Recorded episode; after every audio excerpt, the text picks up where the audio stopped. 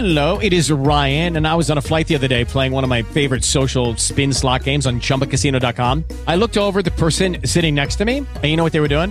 They were also playing Chumba Casino. Coincidence? I think not. Everybody's loving having fun with it. Chumba Casino is home to hundreds of casino style games that you can play for free anytime, anywhere, even at 30,000 feet. So sign up now at chumbacasino.com to claim your free welcome bonus. That's chumbacasino.com and live the Chumba life. No purchase necessary. VGW Group. Void were prohibited by law. See terms and conditions. 18 plus. With the Lucky Land slots, you can get lucky just about anywhere. This is your captain speaking. Uh, we've got clear runway and the weather's fine, but we're just going to circle up here a while and uh, get lucky. No, no, nothing like that. It's just these cash prizes add up quick. So I suggest you sit back, keep your tray table upright, and start getting lucky. Play for free at LuckyLandSlots.com. Are you feeling lucky? No purchase necessary. Void where prohibited by law. 18 plus terms and conditions apply. See website for details. Megapolis adamı. Sabahınız xeyir olsun bir daha əziz dostlar. Megapolis adamı ilə davam edirik. Kəsə xoş əhval-ruhiyyə arz edirik. Və ikinci saatda Megapolis adamında qonağımız kimdir? Aynurə Qayınbəyevadır. O diksiya və natiqlik təlimçisi ilə məşğuldur, təlimçidir. Geri gəlmişkən bu barədə əgər hər hansı bir sualınız varsa, bizim WhatsApp nömrəmizə 055 251 0104 nömrəsinə yaza bilərsiniz. Sabahınız xeyir olsun. Xoş gördük, xoş eşitdik sizi. Sabahınız xeyir Sevər xanım. Çox sağ olun. Yeri gəlmişkən bu gün beynəlxalq ana dili günüdür və ə, hər birimiz ümumiyyətlə ana dilində səlis danışan, ana dilini sevən, ana dilini illərlə qoruyub saxlayan hər bir kəsi təbrik edirəm. Ə, biz düzdür bəzən övladlarımız xarici dillərdə də təhsil alırlar, amma hər zaman onun tərəfdarıyam və onun əleyhinə olmuşam ki, yox sən xarici dili mütləq bilməlisən, ana dilini zəif bilsən də olar. Ə, məncə hər şeyə bax birinci növbədə, ilk növbədə ana dilini səlis bilməkdən irəli gəlir. Razıyam Sevər xanım. Gəlin razılaşaq ki, hal-hazırda Azərbaycanda səlis Azərbaycan dilində danışan insanlar çox deyil. Çox deyil. Çünki dilimizə o qədər varvarizmlər, yəni xarici dillərdən keçmiş sözlər var ki, onlar bizim nitqimizi korlayır, belə deyim. Bu da bizim təbii ki, mütaliəmizdən asılıdır. Əgər biz türk seriallarına baxırıqsa, əgər sosial şəbəkələrimiz rus dilindədirsə və bizim təbii ki, köhnə sovetlərdən gəlmişiksə dilimizdə Kstati, prosta, Bəli, türklərin bəli. falan filanları, bu kapasiteləri və s. bunlar dilimizə girirsə, bəlkə də bu bizə hardasa doğma gəlir. Çünki emosional bir bağımız var keçmişimizlə ki, bəli, valideynlərimiz belə danışıb, yarı rus, yarı Azərbaycan, hətta köhnə Azərbaycan filmləri var ki, orada bir çox rus sözlərindən istifadə olunur və bu o zaman üçün qayda idi. Hə- ha- Hardasa doğru qarşılanırdı. Müasir dövrdə isə kimlənsə danışanda şəxsən məndə artıq belədir, qulağıma dəyir o sözlər. Artıq istər-istəməz insan özünə üzərgah daşında qalır. Sən də əgər o insanla daim ünsiyyətdəsənsə, ə, təbii ki, bu varvarizmlərdən canını qutara bilmirsən, amma düz söhbətimizə tamamilə başqa yerdən başlayacaqdım. Varvarizmlərdən danışmışkən ə, dilimizdə artıq bu ə, ənənə halına alıb insanlar var ki, onu özlərindən uzaqlaşdıra bilmirlər. Yaxşı, biz bu ə, gündəlik həyatımızda istifadə etdiyimiz varvarizmlərdən necə canımızı qurtara bilərik? Nə etməliyik? Baxın Sevər xanım, şəxsən öz üzərimdə tətbiq etdiyim bir texnikadan danışıram. Çünki bizim də ailəmiz iki dilli olub, yarı rus, yarı Azərbaycan danışmışıq. Uşaqlığımızın bir dövrü Sovet dövrünə düşüb və televiziya kanalları hamısı rusca danışırdı. Bir-iki Azərbaycan kanalına ya baxırdıq ya yox. Və anamızın dili necə deyirlər, ana dilində səlis danışmaq. Anam da rus bölməsini bitirmişdi. Ona görə yarı rus, yarı Azərbaycan danışırdıq. Sonra bir müddət keçdi, artıq mənim övladlarım var və onlar da rus bölməsində təhsil alırlar. Və qızım mənə yaxınlaşıb və deyir ki, Mama, mən addaxnuc eləmək istəyirəm. Mən başa düşdüm, hə, Aynurə, sən həyatında nəsə tərs gedir. Qızın istirahət etmək sözünü bilmir. Və ona dedim ki, hə, sən istirahət etmək istəyirsən, bu yolla yavaş-yavaş mən onu özümdən də uzaqlaşdırmağa çalışdım. Ya bəzi əşyalar da var ki, biz onları sırf dilimiz öyrəşib rusca istifadə edirik. Bəli. Və özüm özümü düzəltməklə. Nəyisə dedim, məsələn, ruçka dedim, zəhmət olmasa ruçkanı artıq söz ağzından Qələmlə çıxıb əvəz edirsən. qələmi mənə gətir. Bu zaman özüm özümü düzəltdikcə bu mənim beynimdə oturuşur və ondan sonra yavaş-yavaş bu varvarizmlərdən azad olmağa O sözləri demək ki, hə, öz ana dilimizlə əvəz etsək, Bəli. uzaqlaşa bilərik. Bəli.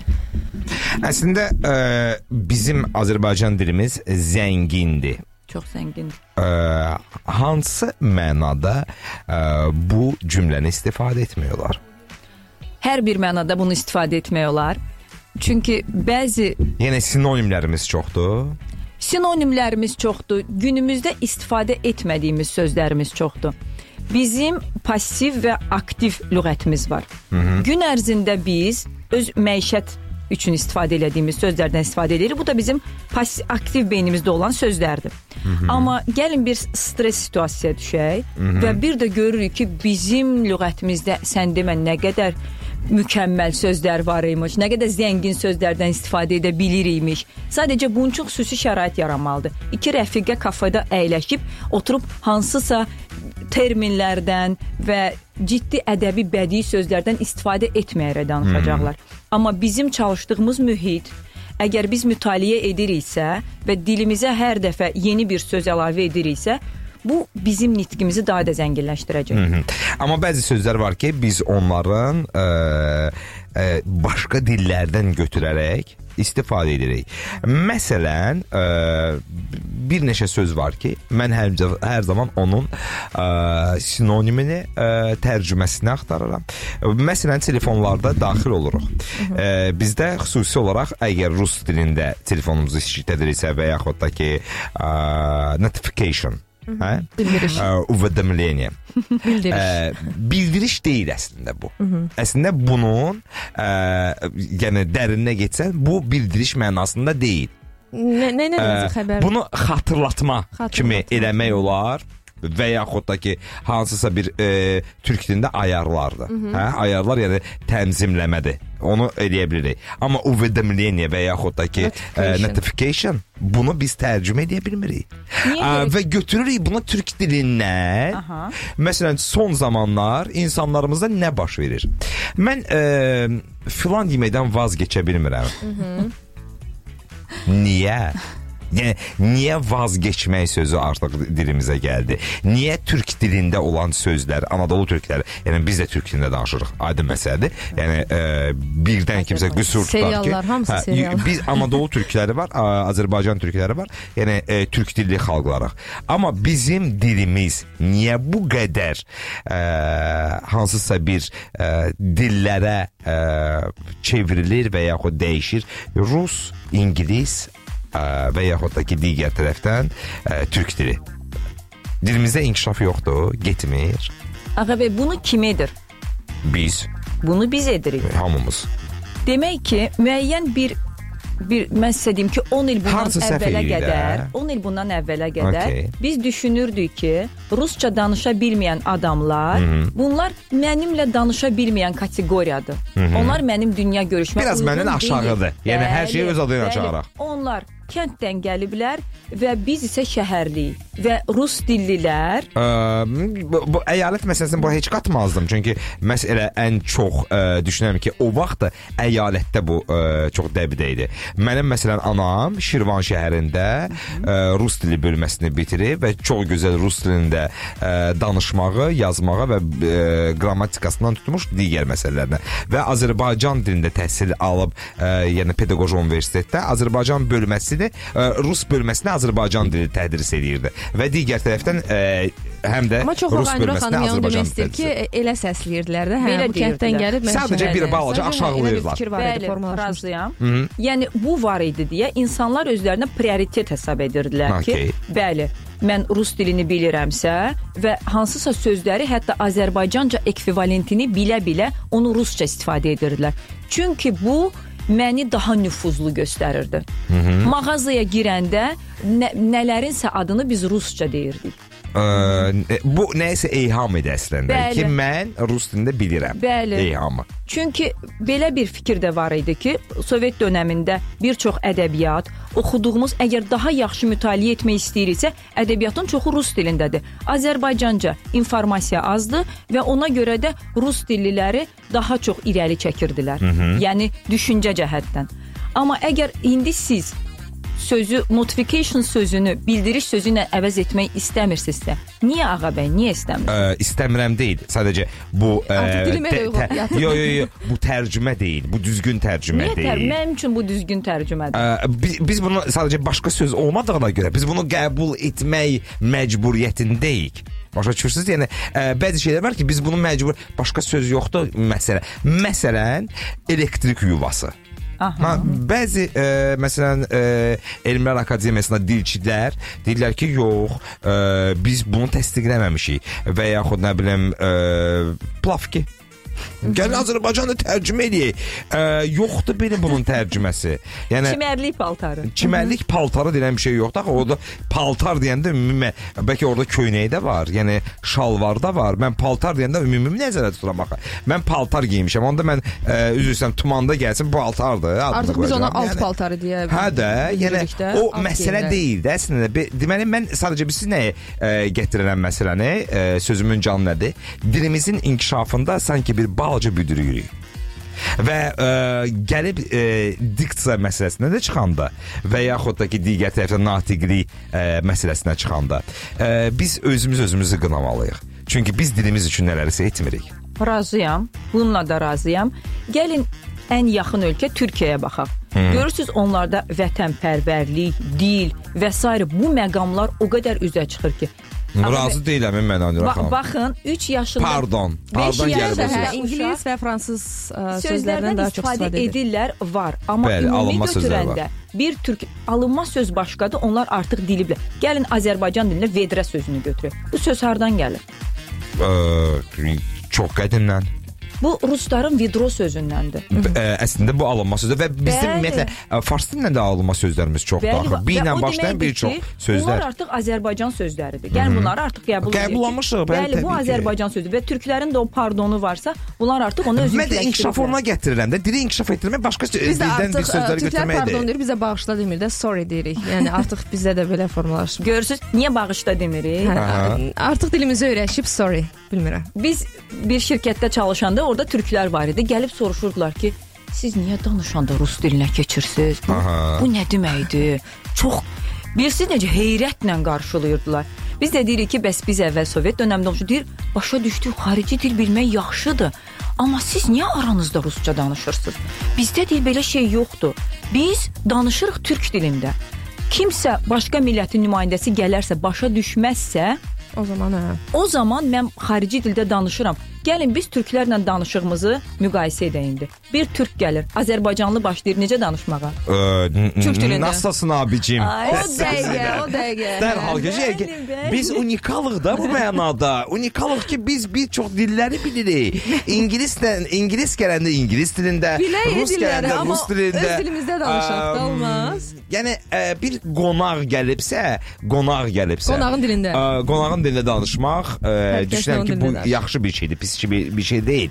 Amma ə, bir də var ki, sən məsələn tutaq ki, gedirsən ə, xarici ölkəyə və orada ümumiyyətlə Azərbaycan dilini unudursan, gəlirsən hardasa 4 il təhsil alırsan, gəlirsən burada acaba bunu belə eləsəm yaxşı olar məsələsi ilə ə, və yaxud nə bilim hansı bir türk sözü. Yəni ə, ə, əcəba sözü əslində Azərbaycanın qədim sözlərindən biridir. Sadəcə acaba deyil, əcəbadır və bunu biz gözəl ə, təqdim etsək, Azərbaycan çox səlist, gözəl və çox kübar dildir.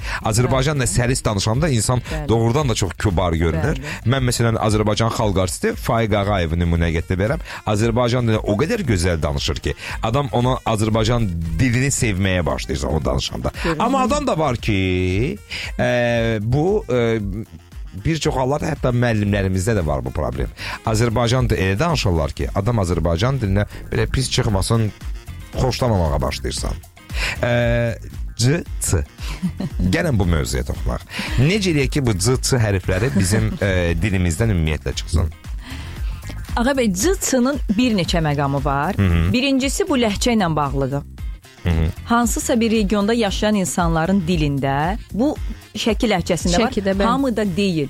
Naxçıvan zonasında var ki, yenə də hamıda deyil. Onlarda y və sair hərflər də bəzi kobud səsləndirilir elə Aha. bil. Və bu, Bu şivədir artıq, yəni. Ha? Bəli, bu ləhcədir və az, bu ədəbi Azərbaycan dilində danışmaq istəyəndə istər-istəməz heç ha- ləhcənin digər məqamları ortaya çıxmasa da sırf c ilə ç-nın üzərində işləmək biraz çətin olur. Aha. Şəxsən mənim özümün Naxçıvandan bir sıra tələbələrim var və biz onlayn qoşuluruq. Və bu cıçına mübarizə aparır. Bəli, biz c-çınla mübarizə aparırıq çünki onların biz cını deyəndə dilimiz başqa tərəfə yönləndirilir. Onlar cını deyəndə dilləri yuxarı tərəfə yönləndirilir. Yəni ağzın içində damağa doğru gedir. Və bu nədən asılı olur ki, insan eyni dili eşidir, buradan da beyinə gedir və sonra da dilindən eyni səslənmə çıxır. Bəs nə etmək lazımdır? Bəli? Mütaliə eləmək lazımdır. Doğru nitqi dinləmək lazımdır. Doğru kanalları, doğru səsi Ucadan oxumaq lazımdır. ucadan oxumaq lazım deyil. Deyil. Çünki əgər biz doğru oxumuruqsa, mən yenə yanlış oxuyub yanlış eşidəcəm. İlk ləhcəsi olan insanlar gələndə ilk 2 ay mən icazə vermirəm ki, siz səsli oxumayın. Bəyəndiyiniz bir qiraətçinin və yaxud da mən həmişə misal göstərirəm ki, hansısa kanalda bəyəndiyiniz xəbərləri dinləyin. Bəyəndiyiniz deyəndə ki, təbii ki, bizim də özümüzün məsləhət gördüyümüz yerlər var ki, bəli, bunları dinləsəz daha görürsünüz. yaxşıdır, bəli. Çünki Aha. bəzən olur ki, aparıcılarda da hansısa nitq qüsurları olur və insanlar bunu götürə bilirlər. Mənə maraqlıdır. Kimi ə, məsləhət Kimi görür? məsləhət görür? Ondan soruşaq. Hə, nə Ə, danışırsınız? Hansı Buyurun. daha çox xoşuna gəlir? Sonra yoxsa sonra? Sonra. Sonra xoşuna gəlir. Sonra daha yaxşı. Ümumiyyətlə mən xoşlayıram ki, sözü xüsusilə də belə r-nı vurğulayım. Sonra. Yo yo burada n hərfidir. Sonra yoxsa sonra? Sonra, sonra. Sonra. Sonra danışarıq. Harda qalmışdıq? Qalmışdıq orada ki, siz e, tələbələrinizə və yaxud kimsə sizə müraciət edibsə, siz e, kiməsə e, sadəcə ünvanlayırsınız ki, filan kəs e, çox yaxşı nitqi var, çox Məsləhət gözəl danışır e, və məsləhət görürsünüz. Kimlərdir onlar? Və necə seçirsiniz? Bilirik ki, bu birinci növbədə ağadır, birinci sıra. Yox, yox, mən hardan gəldi? Mən sizə deyim ki, burada ən çox ə, mən köhnə aparıcılara Aha. müraciət edirəm. Ofelia Sənayini məsləhət görə bilirəm. Amma o Filistin, aha, okey, olsun. Sonra ə, Nailə İslamzadəni İslamzadə. İslamobadə, bilməm İslamzadə. İslamzadə. Bəli, onu məsləhət görə bilirəm. Nərgiz və mən. Nərgiz xanımı məsləhət görə bilirəm. Sadəcə Niyə, niyə, niyə köhnələri? şəxsə yox, daha çox kanala. İndi bilmirəm nə dərəcədə uyğundur burada kanalın adını çəkmək yəni. Niyə də yox? Mən deyirəm ki, məsələn, ictimai kanalda xəbərləri izləyin. Digər kanallarda izləməyin. Mən belə məsləhət görürəm. Çünki Sırf kanala bağlayırsınız. Digər kanallardakı xəbərləri izləmisiniz deyə bəyənməmisiniz, ora Bəli. yönləndirirsiniz. Bəli. Maraqlıdır. Mən istərdim e, dinləyicimiz Vallah kimsə birdən fikirləşər ki, mən indi bizim müdür də, müdür də qulaq asır falan ictimai ağa gəldi, o saat ictimaisini soxdu ortaya. Yox, vallahi Reklamlar deyir. arası deyil, xahiş heç edirəm. xanım- ictimai adı. Yox, xanım heç bilmir ki, mən ictimaidə çalışıram yeri Yox, gəlmişkən. xanım bilir, amma doğrudan. reklam arası demədim, bir də ictimai adı. Doğrudan dedim, yox, o mənə söz deyənmərəm. Dinləyicimiz Kənan mövzula e, daha doğrusu e, fikrini bizə göndərib səsli mesaj olaraq təklif edərdim bir dənə dinləyək. Xeyir olsun. Deməli, e, sizə qulaq asıram. Bu az əvvəl bu sözün dəyişməkləri, kəlmələrin azalmağından söhbət getdi. E, mən Türkiyədə yaşadıqda türklərdə də bu söhbət gedirdi. Deməli, universitetin ikinci kursunda bizə məcburi Bay Bay Türkçe deyə bir e, kitab var. O kitabı oxutdurdular və onun haqqında bir e, imtahana girdik də. Deməli Bay Türkçədə danışırdı. Mövzu nədir? Mövzu odur ki, Türkçədən kəlmələr, çox kəlmələr var bunların. Bu kəlmələrin tək-tək aradan çıxıb e, bir ədəd kəlmə ilə əvəz edilməyindən söhbət edirdi. Məsəl üçün münakaşa, münakeşə, münazara və bir ədəd daha var idi. Dördünün yerinə tartışma sözü gəlib o 4 ədəd, yəni bir sö- sözü 4 Sinonimləri. kəlmə ifadə edə bilərkən o dördünü də ortadan çıxardıb zamanla yerinə tartışma sözünü soxublar. Bu da onlarda da yəni problemə yaranıb. Demək istədim odur ki, bəli, get-gedə bütün dillərdə əksilmə, kəlmələrdə əksilmə olur. Bu yalnız Azərbaycanın problemi deyil. Mən elə düşünürəm ki, amma Azərbaycanda, yəni biz Türkçə, Türkiyədə danışdıqda deyirdilər ki, sizinki lap çox kök türk alfabesinə, köhnə türkçəyə oxşuyur danışırınız. Nəinki bizimki. Yəni inşallah elə belə də qoruyub saxlaya bilərik. Ümid edirəm, amma ki məncə qoruyacaq. Çünki keçmişdə rus yazıcı, rusca danışan insanlar daha çox idi. Ruski yazıcı. Yavaş-yavaş hər kəs azaldıb. Hər kəs öz dili ilə danışmağı tərcih edir. Hiçbir şey. Teşekkür ederim. Çok sağ olun. Təşəkkür edirəm, minnətdarıq. Çox yaxşı məqama toxundu əslində dinləyicimiz. E, aydın məsələdir yalnız Azərbaycan dilində e, və yaxud türk e, Anadolu türklərində bu problem yoxdur. Dünyanın Amerikasında belə var. E, Bəli, bəli. Qısalda, qısalda, qısalda, qısalda, qısalda, qısalda sözləri. bəli, ki. mən hətta o məqam həmişə əvvəl deyirlər how are you? Are you? İndi axırda you, u, belə deyir. Gəl başa düş ki, Adam o gəl nə başa demək düş ki, nə istəyir. Belə qısalda, qısalda. Amma e, amma biz e, təbii ki öz dilimizi qorumaq üçün e, nə etməliyik və e, hansı məqamlara xüsusi olaraq diqqət yetirməliyik? Mən Azərbaycanın o e, belə o dərin sözləri var ha ki, e, doğrudan çox gözəl səslənir. E, məsələn məşəqqətli sözünü e, biz e, ictimaiyyətdə istifadə edirikmi? Yox. Məişətdə istifadə edirikmi? Yox. E, mənim mən oğlumun yanında məşəqqətli sözünü istifadə etsəm Ata nə dedin deyəcək. Yəni Ya, nəsə pis söz. və e, mən belə başa düşürəm ki, bir neçə il keçəndən sonra bu söz ümumiyyətlə e, itə bilər. Yəni bu sözləri qaytarmaq üçün nə etməliyik? Ağa bəy, ilk olaraq dilimizi sevməliyik. Biz necə olub dilimizi sevmişik? Mənim şəxsən mənim deyirəm, Azərbaycan dil ədəbiyyat müəllimlərimə qarşı o qədər böyük hörmətim olub. Onların ağzından çıxan hər bir sözü tutmağa çalışmışam və dedikləri hər bir əsəri oxumuşam. Və mən filoloq deyiləm, amma ədəbiyyata, Azərbaycan dilinə qarşı böyük həvəsim olub, böyük sevgim olub və bunu təbliğ eləmək lazımdır. Rus bölmələrində, ingilis bölmələrində oxuyan uşaqlarımız var ki, yeniyetmələrimiz var ki, bunlar gəlirlər nəinki məşəqqətli. Bu bax bayaq mən dediyim misal, istirahət etmək sözünü belə onlar ekvivalentlərin deyirlər digər dillərdə, amma Azərbaycanca deyə bilmirlər. Çünki bunu sevdirə-sevdirə öyrətmək lazımdır. Mənə elə gəlir ki, orta məktəblərdə bir nitq mədəniyyəti adlı, hətta səhv etmirəmsə, proqramda belə bir dərs var Hı -hı. və uşaqlara sadəcə dili təbliğ etmək. Azərbaycan dili gözəl dildir.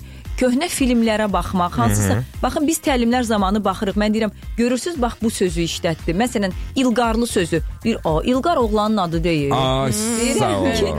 deyirəm bəli, baxın İlqarlı sözü əslində mənası nədir? Etibarlı, əhd peyman və s. bu sözləri istifadə elədikcə uşaqlar deyirlər, hə, sən demə bu da var imiş. Sən demə bu da var imiş. Çünki baxın, orta məktəb ingiliscə gedir, evdə valideynlər rusca danışır. Televiziya rusca və sosial şəbəkələr rus, ingilis adam hardan götürsün bilsin, bunu? gələ hə- Azərbaycan dilində etsin, gözəl göstərsin. kontent anlayışı var müasir dövrdə. Azərbaycan dilində gözəl kontent olmalıdır. Kimsə qonaq gələndə bu hər şey yaxşıdır, ye, prosta deməsin. Mən. Və kimsə də onu eşidəndə uşaq desin ki, hə filan kəs belə dedi də, mən də belə danışmaq istəyirəm. Qoy türklərin bu falan filan sözləri dilimizə çox girməsin. Çünki biz türk serial seriallarına baxırıq. Qoy Azərbaycan serialları, Azərbaycan verilişləri, Azərbaycan cizgi filmləri o qədər gözəl olsun ki, biz öz içimizə istinad edərək daha dolğun danışa bilək. Oradan buradan nələr sözümüzə götürməyək. Siz e, diksiya və natiqlik e, təlimçisiniz və bayaqdan e, təbii ki söhbət edirik. E, indi sevər danışır. İndi mən e, özümü deməyəcəm, e, sırf olaraq sevər danışır. E, onun nitqi və diksiyası. Ə, qüsurları və müsbət tərəfləri. Nələrdir istəyirəm ki, artıq bir yarım saat 40 dəqiqədir ki, söhbət edirik. Ə, lap sevər olması mənə deyin. Yəni problem Fərqi deyil. yoxdur əslində. Müsbət Sadəcə mənim məsələn diksiyamda problem var. Mənim e, nitqimdə hansısa bir problem var e, və yaxud sevərin. İstəyirəm ki, bu bir, bir neçəsini deyəsiz. Verilişə gəlməzdən əvvəl mən baxdım və Sevər xanımın nitqini çox bəyəndim. Çünki düşünürəm ki, artikulyasiyası qaydasındadır. Artikulyasiya, yəni bütün danışıq üzvlərinin bir Əzələlərin çalışması. Bəli, gözəl çalışmasıdır. O danışanda insanın dişləri görünməlidir və dil tənbəlliyi, ağız tənbəlliyi hi- hiss olunmamalıdır ki, bu Sevər xanımda var. Yəni Aha. ancaq müsbət şeylər deyə bilərəm Sevər xanım haqqında. Təşəkkür Sizin edirəm. nitqinizə Aha. gələndə isə hiss olunur ki, siz rus dillisiniz. Yəni rus dilini yaxşı səviyyədə bilməyiniz hiss olunur. Çünki baxın Azərbaycan dilində biz deyirik diksiya, siz isə diksiya deyirsiniz. Aha. Bax bu məqamlardan artıq hiss olunur ki, adam hansı dildə danışa bilir. Və ingilis dilli adamlarda bu biraz başqa cür olur. Biz fərqli dillərdə danışanda fərqli əzələ qruplarımız çalışır. Tamamilə doğru. Ona görə fərqli baxın Azər rus dilində yaxşı danışan adam ə, ö, Azərbaycanca gəlirəm yox, gilirəm deyir. Gəlirəm, bəli, bəli. Düzdürmü? Və yaxud da Azərbaycan dilində yaxşı danışan adam rus dilində onun dil ucu əzələsi yaxşı inkişaf etməyib deyə malçık deyir, malçık deyə bilmir. Aha. Çünki həmin əzələlər yaxşı inkişaf etməyib və bunu artikulyasiya məşqləri etməklə yerinə otuzdurub gözəl danışmaq mümkündür. Hər bir istənilən, halda. istənilən e, təbii ki, e, dil, e, e, mən düşünürəm ki, hətta bir neçə dili danışan insanlar var ha.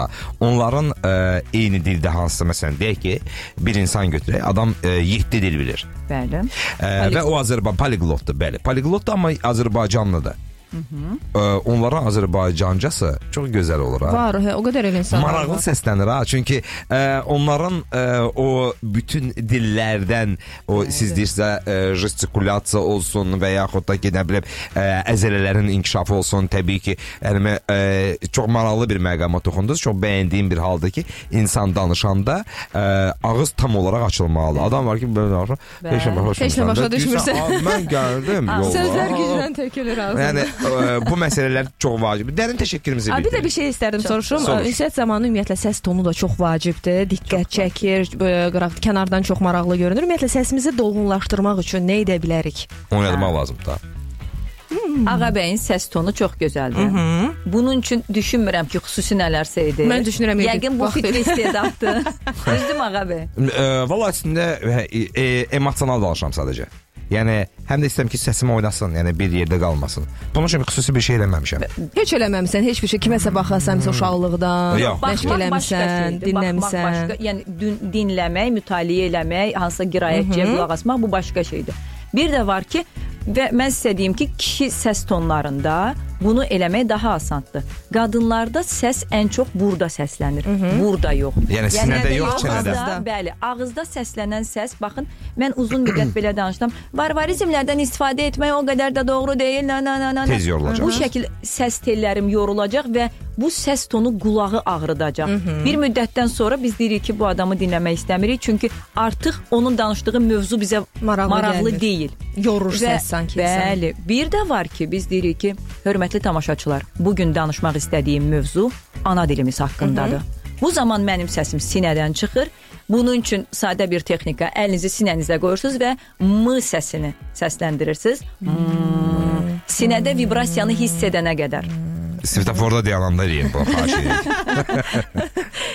E, Vibrasiyanı hiss etdiniz, deməli ki, səsi sinəyə sala bilirsiniz. Sonra eyni bir şeirin bir bəndini səsləndirin. Həm boğaz səsi ilə, həm də sinə səsi ilə və fərqi görəcəksiniz. Hmm, Nə maraqlı, maraqlı oldu. Təşəkkür edirik. Çox sağ Buyurun, olun. siz sağ olun. Minnətdarıq sizə. Təşəkkür edirəm mən. Ə, bir dənə dinləyicimizin ə, deməli dinləyici səsi var deyir. Ə, Yo, sual verir ki, hə. Yo, işıq İşıq for. var, svetofor, yo, işıq var. Ə, Svetofor. Yəni eləyə bilirsiniz axıra qədər eləyin.